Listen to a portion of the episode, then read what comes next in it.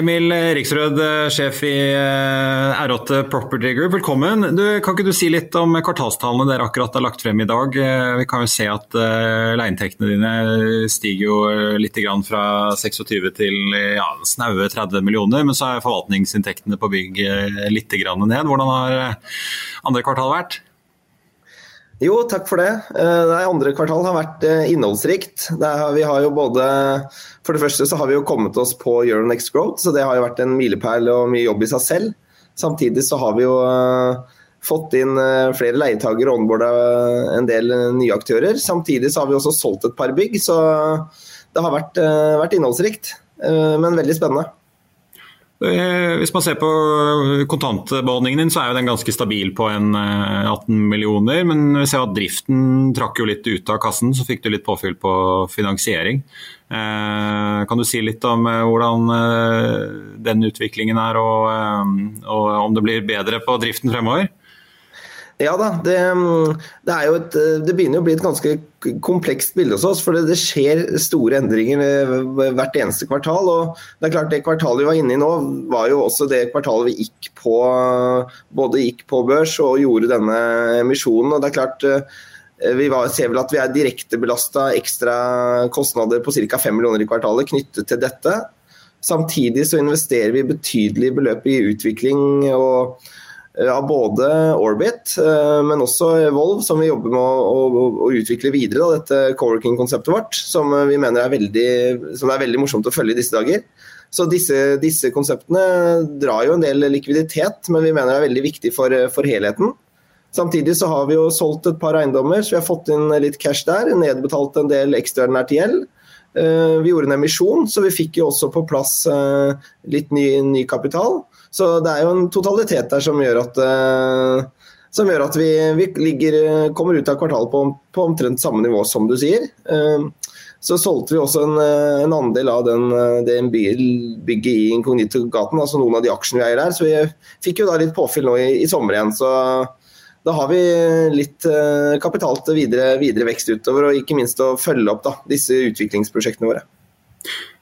Du sier litt om uh, gjelden din. Er du komfortabel med det gjeldsnivået dere har nå? Jeg ser jo at Dere ligger jo en rundt 68% belåning. Så ser man på en, en litt annerledes type aktør. da, Entra de snakket jo i våre som at de lå på um, eh, 36 og vil gjerne opp til 40-45. Uh, så du ligger jo en god del høyere. Er du komfortabel med den gjeldsgraden?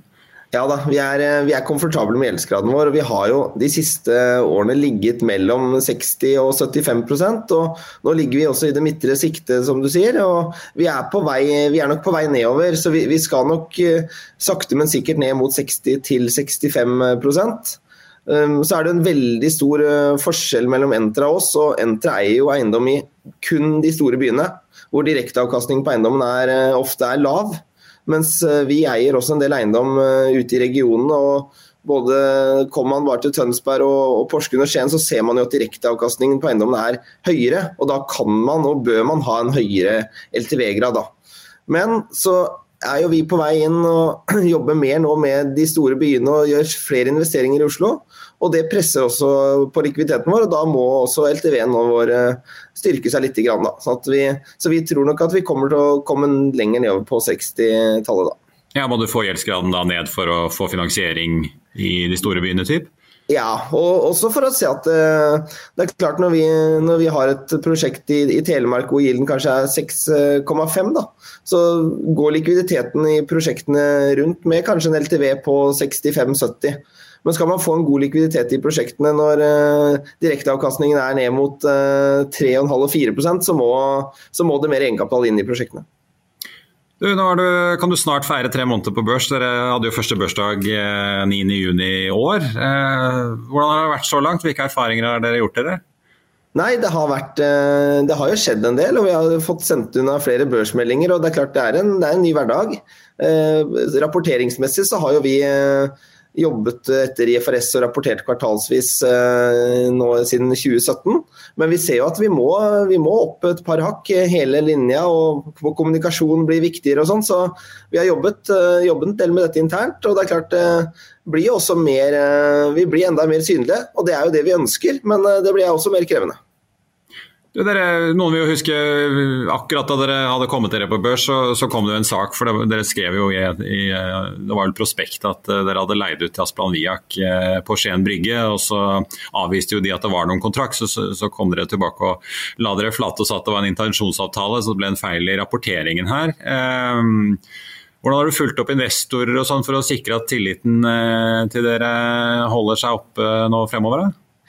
Nei, altså som du sier, så, så var det jo en, eh, en glipp fra, fra, vår side. Så hadde vi jo som, lagt inn at både Asplan Viak og Nordic Choice eh, hadde signerte avtaler som opprinnelig var intensjonsavtaler. Eh, nå har vi jo heldigvis i etterkant signert avtalen med Nordic Choice, men Asplan Viak hadde jo funnet seg et annet sted, så dette var jo, som du sier, feil.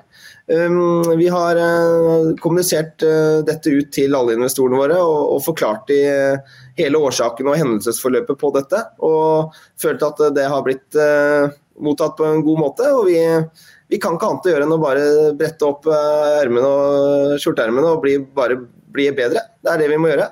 Men Var det en liten sånn vekker på ja, rapporteringsapparatet man må ha som børsselskap, ja, eller? Vi må, vi må, bare sette inn på enda mer ressurser på alt vi kommuniserer. Så var det jo heldigvis at uh, disse leiekontraktene var jo ikke med i verdivurderingene og inn i, tatt inn i regnskapene våre. Så det var, jo, det var jo godt, og jeg er glad for at ikke de var med der. Du, som aktør i eiendomsbransjen så må jeg nesten spørre. Det er jo liksom to sånne trender som eh, vi ser utfolde seg nå eh, utover høsten. Det ene er jo at Norges Bank har varslet økende mm, renter. Altså Styringsrenten skal jo opp, så får vi se hvor mange ganger det blir de neste tolv månedene, men den skal opp.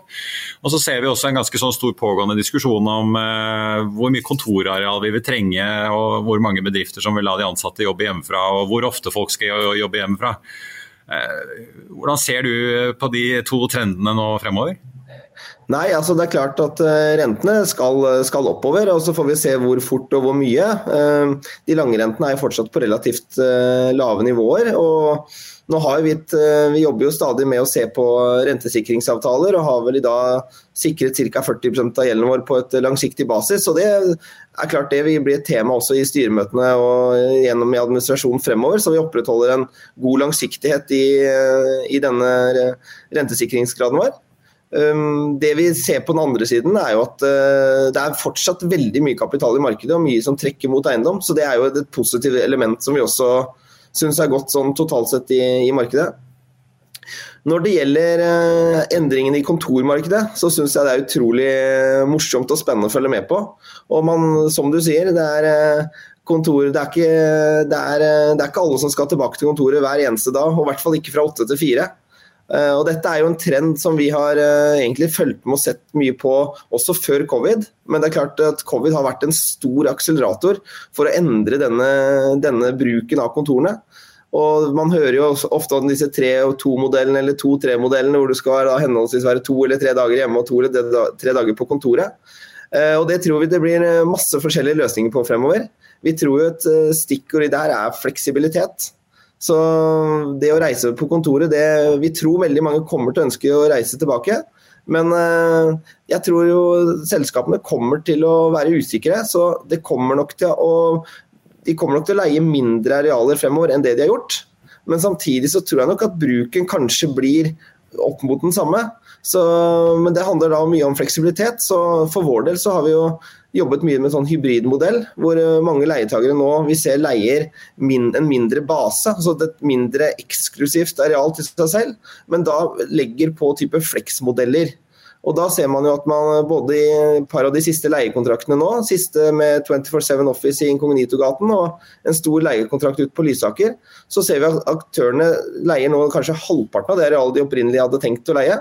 Men samtidig så inngår de da fleksavtaler i byggene, enten med gårdeier eller med da flex eh, space-leverandører. Vi har Evolve som, eh, som, vi bruker. Samtidig som eh, teknologien vi har i Orbit gjør at vi kan få en sømløs bruk av byggene. Både hvert enkelt bygg, men også på kryss og tvers av hverandre. Sånn at man lett kan jobbe i ulike bygg på ulike lokasjoner.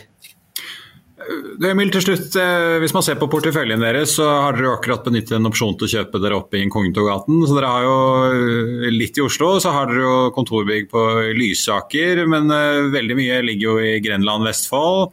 Og så har dere en miks av ganske store, eller relativt store kontorbygg i hvert fall, og noen litt mindre på en måte, hva skal man si, nesten bygårder rundt omkring.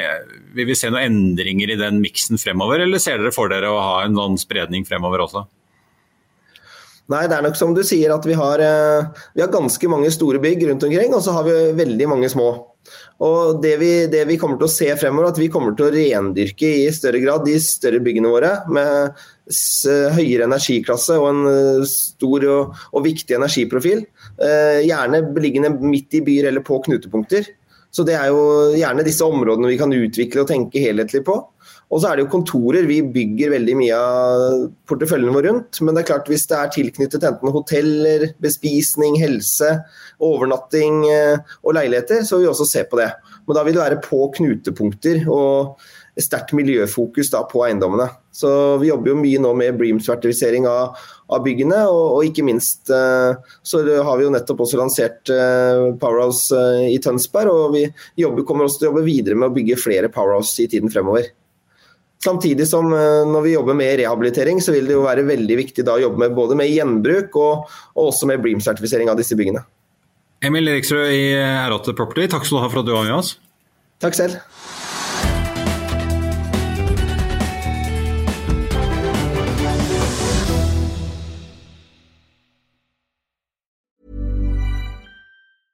Hey, folks, I'm Mark Marin from the WTF Podcast, and this episode is brought to you by Kleenex Ultra Soft Tissues your ally to help tackle your allergy symptoms this season. I love the change of seasons, but nobody loves pollen and all those other things floating in the air that make you sneeze during this nice weather. Kleenex Ultra Soft tissues are hypoallergenic and allergist approved. So fight back against watery eyes and runny noses without worrying about irritating your skin. For this allergy season, grab Kleenex and face allergies head on. Økonominyhetene er en podkast fra Finansavisen. Programledere er Marius Lorentzen, Stein Ove Haugen og Benedikte Storm Bamvik. Produsenter er Lars Brenden Skram og Bashar Johar. Og ansvarlig redaktør er Trygve Hegnar.